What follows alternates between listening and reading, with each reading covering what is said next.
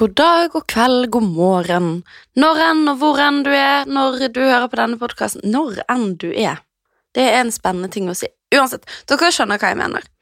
Um, velkommen til ny episode av Oljekåt. Hvis du ikke har hørt serien før, så anbefaler jeg å gå tilbake til episode én og høre eh, denne miniserien i rekkefølge. Den har noen tråder som går igjen. Så dere ikke har lyst til det, så går det helt fint. Dere skjønner sikkert greien uansett. Før jeg begynner dagens episode, så eh, vil jeg komme med en anbefaling. fordi at de av oss som eh, bryr oss mye om klima og miljø og, og, og sånn, og de som er sånn som meg, som er litt sånn eh, bitte litt nevrotiske, vi trenger kanskje en pause i hverdagen. Noen øyeblikk til å bare sitte tilbake, drikke Pepsi Max, spise taffelsticks. Det heter ikke taffelsticks lenger, det heter potetsticks, men jeg holder på at taffelsticks var det riktige navnet. Nå babler meg vekk her. Uansett, jeg har begynt å se på en ny serie. Queer Eye heter den. Den går på Netflix. Den handler om homofile menn, The Fab Five. Eh, for øvrig noen av de vakreste menneskene jeg har sett i mitt liv. Eh, som gir makeovers til hetero menn og kvinner, tror jeg. Jeg har bare sett én sesong. Uansett, anbefales helt sykt. Den er så hyggelig, og man blir så rørt. Og man liksom Man fjerner tankene litt fra det vanskelige livet. Så eh, hvis du trenger å bare chille litt, hør på denne podkasten først. Men så kan du se litt Queer Eye.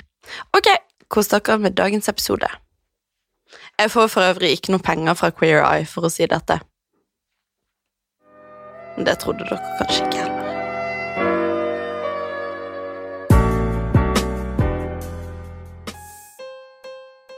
er det snakk om alvorlige lovbrudd, og jeg tror vi glemmer litt at dette, på en måte, dette er økonomisk kriminalitet. Mm. Dette er den type kriminalitet som man kan tjene veldig masse penger på. Hvis man kan omgå reglene, så kan man spare mye penger. Så langt i podkasten så har vi snakket en del om de store, mer synlige, mer diskuterte konsekvensene av oljen, nemlig klimaendringer. Men i dag så skal vi snakke om en litt annen side av oljeproblematikken. For i 2020 så har Natur og Ungdom politianmeldt en rekke oljeselskaper.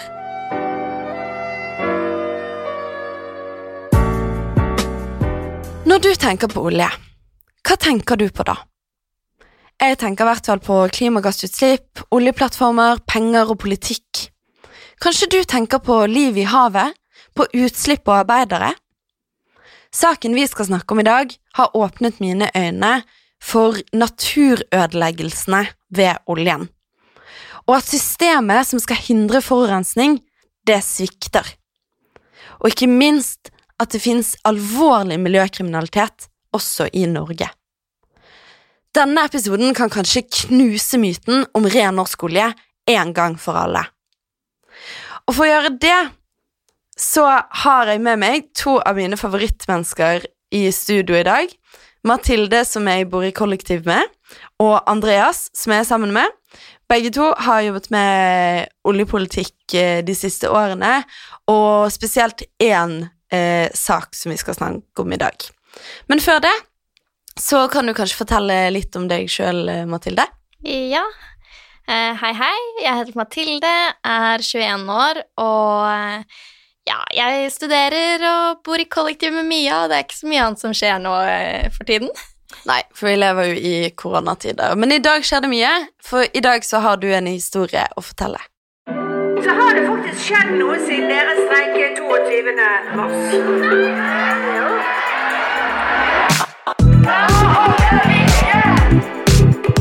Legge fram en plan. Det pågår en klimakrise. Denne episoden krever litt historiefortelling, og det er det vi skal begynne med. Vi skal til Natur og ungdomskontor i Torgata en sen høstkveld i oktober 2018. Her sitter det noen arbeidsvillige, frivillige, oljemotvillige sentralstyremedlemmer og sjekker mail. I innboksen ligger det en mail med tittel 'Oversendelse av kopi av brev fra Miljødirektoratet'. Slike ting dukker opp stadig vekk, og de leses gjennom slik at man til enhver tid kan holde seg oppdatert på det som skjer i oljeverdenen.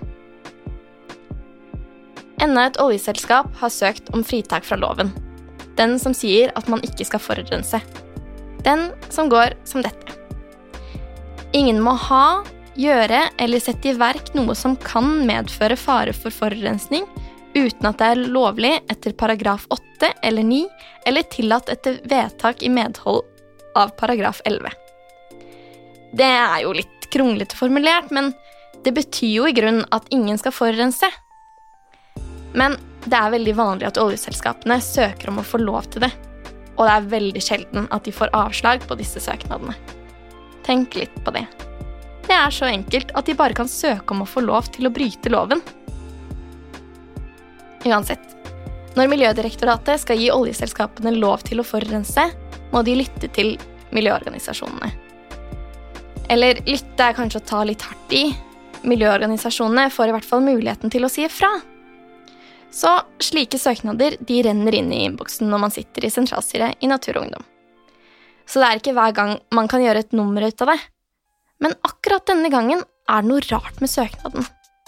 Selskapene vil plutselig forurense veldig mye mer. Det viser seg nemlig at det gjennom mange år har foregått ulovlig utslipp av smøreoljer fra norske oljeplattformer. Smøreoljene er i de farligste kategoriene, svart kategori. Det innebærer at de ikke brytes lett ned og vil vare lenge ute i naturen. Og de vil bli værende i artene som forgiftes av de. Ingen vet nøyaktig hvor lenge dette har pågått, eller hvor mye som har sluppet ut, men det er snakk om mange tusen liter hvert år. Dette synes sentralistene i Natur og Ungdom var alarmerende. De måtte ta saken i egne hender.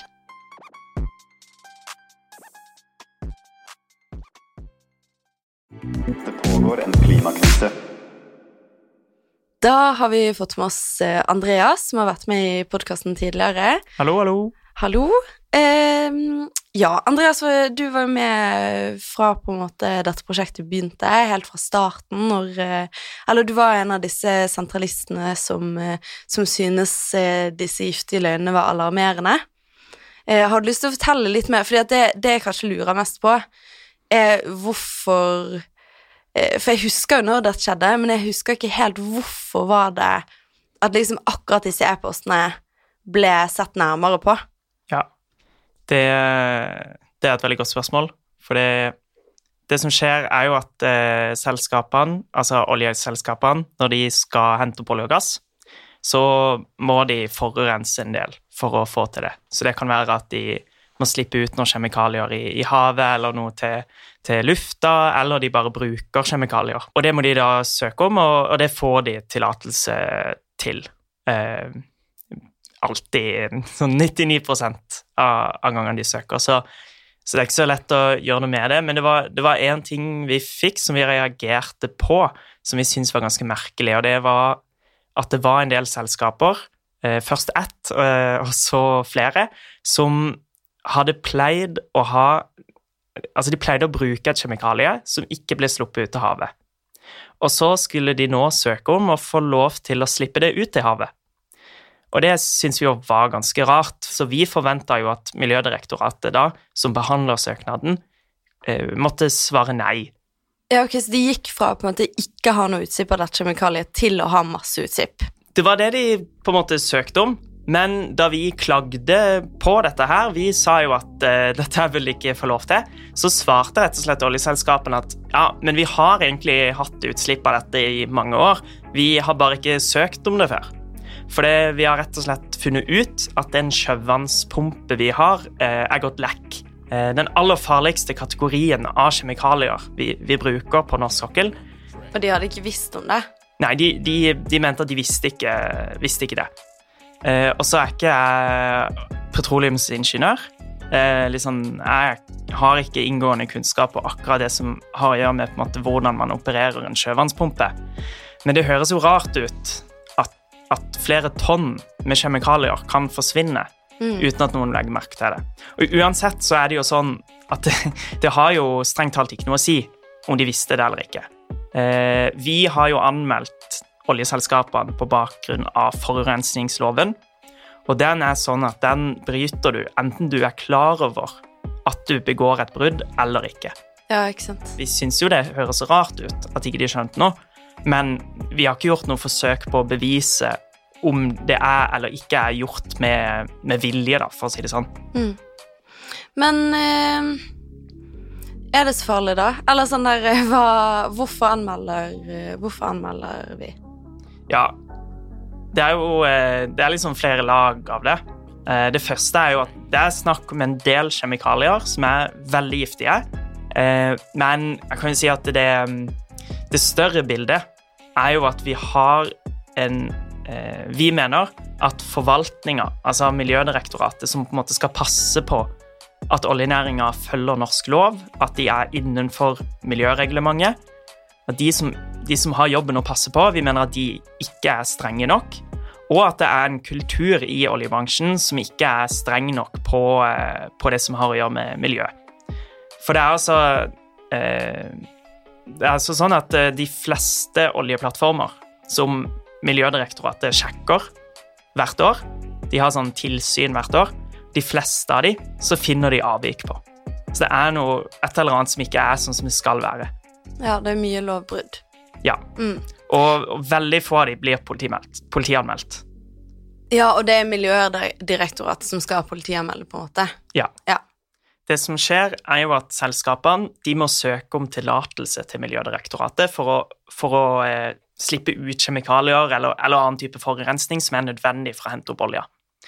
Og Miljødirektoratet de har jo på en måte et politisk press, opplever vi, for å si ja til de.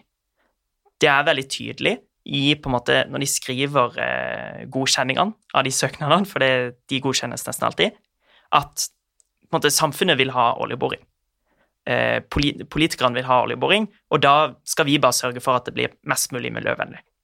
Det jeg håper at vi kan oppnå med en sånn her anmeldelse, det er jo at Miljødirektoratet får litt flere verktøy. Altså rett og slett et press fra den andre sida, da. At de får et press til å si nei til ting som ikke er miljøfaglig forsvarlig, og som er vanskelig å, å forsvare juridisk også. Så det håper jeg at vi kan oppnå. Eh, senest i dag så politianmeldte Miljødirektoratet Equinor, og de har hatt, jeg vet at de har hatt mange samtaler med Equinor spesielt om sikkerhetskultur og, og, og kultur knytta til miljø. Fordi at det er et problem i det selskapet. Eh, Det var en, en eh, kjempefarlig, veldig skummel ulykke på, på Melkøya i, utenfor Hammerfest nylig. Og, og der også er det snakk om alvorlige lovbrudd. Og jeg tror vi glemmer litt at dette er på en måte, dette er økonomisk kriminalitet. Dette er den type kriminalitet som man kan tjene veldig masse penger på. Hvis man kan omgå reglene, så kan man spare mye penger. Og da, altså det på en måte vanlig sånn juss forteller oss da, er at i et sånt tilfelle så bør straffen være veldig hard. Det pågår en klimakrise. Så greien i denne saken, da, det er et Eller ikke ett, flere oljeselskap har lekket høytgiftige stoffer i havet. Fisk dør, ennå finner ut av det. Um, og så uh, Og så politianmelder vi. Men hva hva har skjedd med politianmeldelsen, da? Ja, eh, vi leverte jo den i enten april eller mai. Og eh, etter det så ringte vi til politistasjonen eh, sånn en gang i uka, eh, helt regelmessig, og sa hei, har dere noe nytt til oss? Eh, har dere eh, tatt saken? Har dere sett noe på det? Og det, det kan man gjøre. Det er sånn at man, man får liksom en etterforsker, og så kan vi ringe til den personen. Og det gjorde vi veldig lenge, og ja, kort fortalt har vi ikke fått noe særlig svar. Eh, enten så blir vi fortalt at den etterforskeren på en måte ikke er på jobb den dagen, eller så har de ikke rukket å se på han ennå. Og nå har det jo gått ganske mange måneder, og det har skjedd lite. Vi vet at han har vært innom en jurist, og vi vet at han har vært innom en miljøekspert, men det er ganske lenge siden nå, og ja, det virker jo som at dette ikke i hvert fall er noe prioritert hos politiet. Men jeg fikk høre at, det er- at det er samme Altså, de som, som har denne saken, er også de som eh, Hva heter det? De som dealer med liksom drapssaker og sånn. Det vet jeg ikke. Hæ, var det ikke Det- ja. Var det ikke det? Ja, hvis jeg kan uh, skyte inn der, da, så tror jeg det er sånn at, jeg at fått med meg. ja, det, altså, det er de samme folka som uh, etterforsker mistenkelige dødsfall. Ja. Uh, så med en gang det skjer et nytt mistenkelig dødsfall, så faller på en måte vår sak ned i køen, da. Og det er jo litt Eller jeg tenker i hvert fall at det sier litt om hva slags kapasitet man har satt av til å, til å ta sånne miljøsaker som dette, da. Mm. Um, det er jo litt dumt at det ikke blir prioritert, fordi det skjer jo mistenkelige Mm. dødsfall hele tiden. Ja, det lover jo ikke så godt for Oslo og, og mistenkelige dødsfall, hvis det er sånn at det er det som er grunnen til at saken ikke har blitt eh, behandlet på så lang tid. Men hvis vi alle bare kan bli enige om å ikke drepe folk, og i hvert fall ikke på en mistenkelig måte, Mm. så kanskje, Kanskje Stavanger eh, politidistrikt kan eh, løse denne Og saken. det er Stavanger politidistrikt? Eh, ja. Ah, ja. Eller jeg vet ikke om Rogaland heter det kanskje, eller ja. Sør-Vest, eller noe sånt. ja, jeg skjønner. Ja, men jeg trodde det var Oslo. Eh, ja. Mm. Ja. Men det er eh, Altså, dette med underkapasitet i politiet er viktig. For det er eh, Dagsavisen de fant fram nå nylig at de siste 15 årene så har det bare blitt utdanna 220 nye politifolk eller andre sånn, tjenestepersoner med liksom miljøkurset. Så det er helt sinnssykt få som har kompetanse i politiet og de andre liksom, etatene som, som jobber sammen med dem, med miljøkompetanse, som faktisk kan arbeide med miljøkriminalitet. Mm. Eh, og vi ser det Altså, dette er ett eksempel, men vi vet at mange organisasjoner prøver å politianmelde åpenbare lovbrudd, og så kommer det ikke noe vei. Og da vet ikke vi om det er snakk om Er det, er det vilje, er det manglende vilje i politiet? Det, jeg, jeg vil jo ikke tro det, for det er alvorlig kriminalitet. Eh, det virker jo som at det er ressurser, da. Eh, og det er jo til syvende og sist en, en politisk oppgave å sørge for at det prioriteres. Natur og Ungdom skrev en grundig anmeldelse. De hyrte inn advokater eh, som eh, var eksperter på miljøkriminalitet, og de gjorde research i over et år før anmeldelsen ble levert. Ifølge Andreas så trenger man bare å skrive en setning for å anmelde et oljeselskap. Eller for å anmelde hvem som helst, egentlig. Men fordi at Natur og Ungdom hadde hørt så mye om hvor vanskelig det er å få disse sakene tatt seriøst og på en måte faktisk etterfulgt, så må man skrive en grundig anmeldelse. Så politiet har, politiet har all faktaen. Men eh, spørsmålet gjenstår om det hjelper. Men det er jo andre grunner til at akkurat denne saken er Eller at vi snakker om dette nå.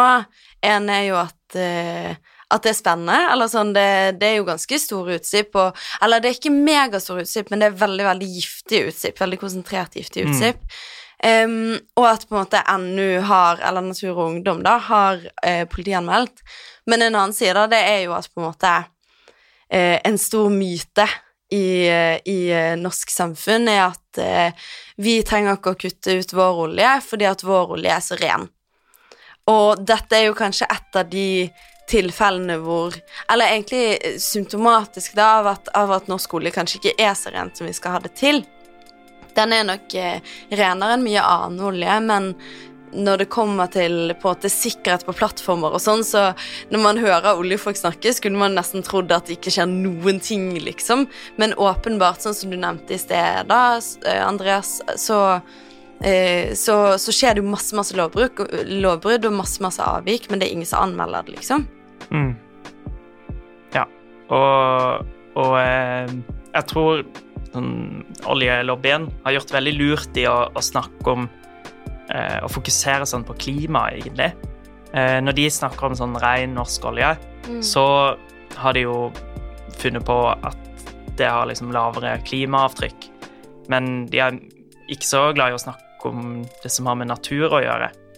Ikke sant? Eh, det er et annet eh, avtrykk på, på naturen eh, å lete etter olje langt opp i Arktis eller i sårbare havområder. Og det er jo, altså, det er jo bare de sårbare havområdene igjen nå på norsk søkkel, fordi at man har liksom delt ut alt det andre og borer der med ganske høye utslipp til sjø og til, til luft. Og ofte skjer det ulykker, Og de får også tillatelse til å slippe ut veldig store mengder med kjemikalier. Og dette er norske fiskere er opptatt av dette. Det er et problem for fiskeriindustrien, og det er noe som skaper et press på havene våre. Mm. Ja, og så hvis jeg kan legge til litt med tanke på det Andreas sa i stad om at um, Om at eh, Om de visste at disse utslippene skjedde eller ikke, så er det jo sånn at det som har vært utslipp fra, er f.eks. smøreolje. Og smøreolje må man bruke for at maskineriet på, på plattformene skal fungere. Så og det, og det er jo også sånn at det er veldig høyt trykk for eksempel, i de maskinene, da, som gjør at eh, det pipler ut masse olje, og det, det vet man jo, det er man klar over. Så, så lenge på en måte de maskinene må smøres, så er det utslipp fra oljeplattformene. Mm. Ja, og det snakkes jo egentlig litt om at på en måte sånn der eh, Vi kan godt snakke om eh, at eh, noe olje er Eller ja, jeg er jo kanskje ikke så interessert i å snakke om det, men, men det er jo en viss sannhet i at noe olje er renere enn andre med tanke på klimagassutslipp. Men alle utbygginger på norsk sokkel vil jo ha et miljøavtrykk. Og da bør man jo kanskje prioritere det som Altså fordi at også utbygging av fornybar energi har jo et miljøavtrykk, det er jo veldig viktig å nevne, men, men da vil jeg jo heller prioritere miljøavtrykket på det, da, kanskje, Mm, enn en en oljeplattform. mm.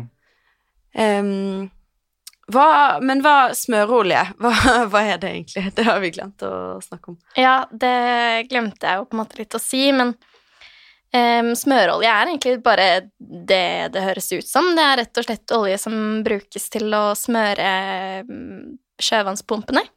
Og de pumpene de pumper opp sjøvann som brukes til masse rare greier på plattformene. Um, og de oljene inneholder jo da giftige kjemikalier. Ja. Det er jo kanskje ikke så viktig å vite så mye om på en måte selve maskineriet på en oljeplattform eh, for å være klimaengasjert, men eh, Men det er kult kult å kunne brife med at man vet hva smørolje er, da. ja, det er damer for damene, tenker jeg. Det er det. Mm. Det er det. Mm, absolutt. Mm. Eh, en ting eh, til som vi må snakke om, er jo at prosjektet heter Prosjekt Giftige løgner. Dette er jo en, en kul tittel, men vi har jo stjålet det fra et sted. Ja, det stemmer. Vi har jo stjålet den tittelen fra Eller lånt, vil jeg jo kanskje si, da. Ja, Vi har Eh, jo spurt om lov, vi har spurt om lov. og fått lov. Så Den var ganske av positiv. Ja? Ja. Ja, du kan ja, kanskje si hvem det er? Vår største fan. um, ja, vi har lånt den av uh, Ingvar Ambjørnsen. Og han uh, har jo skrevet uh, bok om eh, Eller flere bøker om Pelle og Proffen. Um, og i den boka som heter Giftige løgner, så er jo de på litt sånn eh, natur og ungdom-eventyr. Mm. Um, så jeg har eh, sett filmen i dag, faktisk, og Ja funnet fram eh, et veldig bra, et veldig bra seksjon, en veldig bra seksjon, da, som eh, jeg tenkte at vi kunne ha med på slutten her. Ja, den må vi Vi får avslutte podkasten med den, tenker jeg. Mm. Ja. Det er jo Ja, Pelle og Proff neste må vi kanskje anbefale, egentlig. Ja. Mm. Ukas anbefaling. Ja. Ja. Har du en ukas anbefaling? Nei, jeg har jo ikke det. Dette Nå har vi, denne Dette uka har vi en miniserie. Jeg har ikke noe ukas noen Du har ikke noen sånne spalter og sånn? Uh, nei, det er sånn spalten er kanskje mer sånn Mia snakker om følelser. Ja, For det skjer ja, ikke- litt sånn naturlig. ja. Ja. Nei, men tusen takk for at dere kom. Eh, vi, får, eh, vi får snakke litt Eller vi får høre litt på, eh, på Ingvar Arnbjørnsen sine karakterer, Pelleproffen, helt til slutt. Vi høres. Krittmerke. Selvfølgelig. Hvorfor har jeg ikke tenkt på det før? Ikke sant? All farlig avfall som sendes ut av landet, blir nøye kontrollert av eh, myndighetene. Helt sikkert. Men produktet, derimot, er ikke sikkert at det blir like nøye sjekka, ikke sant? Det handler om å tenke, Pellegutt. Nytter ikke bare å tenke heller, proff. Jeg har ikke gjort det annet i 16 måneder enn å tenke på meg alene på forholdet vårt at det skal gå til helvete. Jeg har tenkt og tenkt og aldri gjort noe med det. Dette skal du ikke fortelle til meg, ikke sant? Det er ikke noen andre å fortelle til, proff. Dere har hørt det før. Gå inn på iTunes, gi meg fem stjerner. Gjør det som dagens klimahandling. Nei, jeg bare kødder. Men gjerne gjør det hvis du liker podkasten, da. Hvis du ikke liker podkasten, så går det helt fint. Du trenger ikke å gå inn på iTunes. Null pes. Gjerne del podkasten med venner og familie også. Jeg tar eh, tilbakemeldinger på e-post til oljepod.nu.no. Hvis du lurer på noe, hvis du syns det er noe jeg ikke har svart godt nok på, hvis du likte podkasten Jeg vet ikke. Kildene for dagens episode kan finnes på nu.no. Gjerne følg oss på Instagram at naturungdom. Podkasten er laget i samarbeid med Moderne Media. Jingle er laget av Remy Malcher Pettersen. Dere kjenner han kanskje fra bandet Brenn. Annen musikk er hentet fra Prod Riddy Man. Denne podkasten er støttet av Fritt Ord og LNU Kultur. Mitt navn er Mia Catherine Haugen Chamberlain. Vi høres.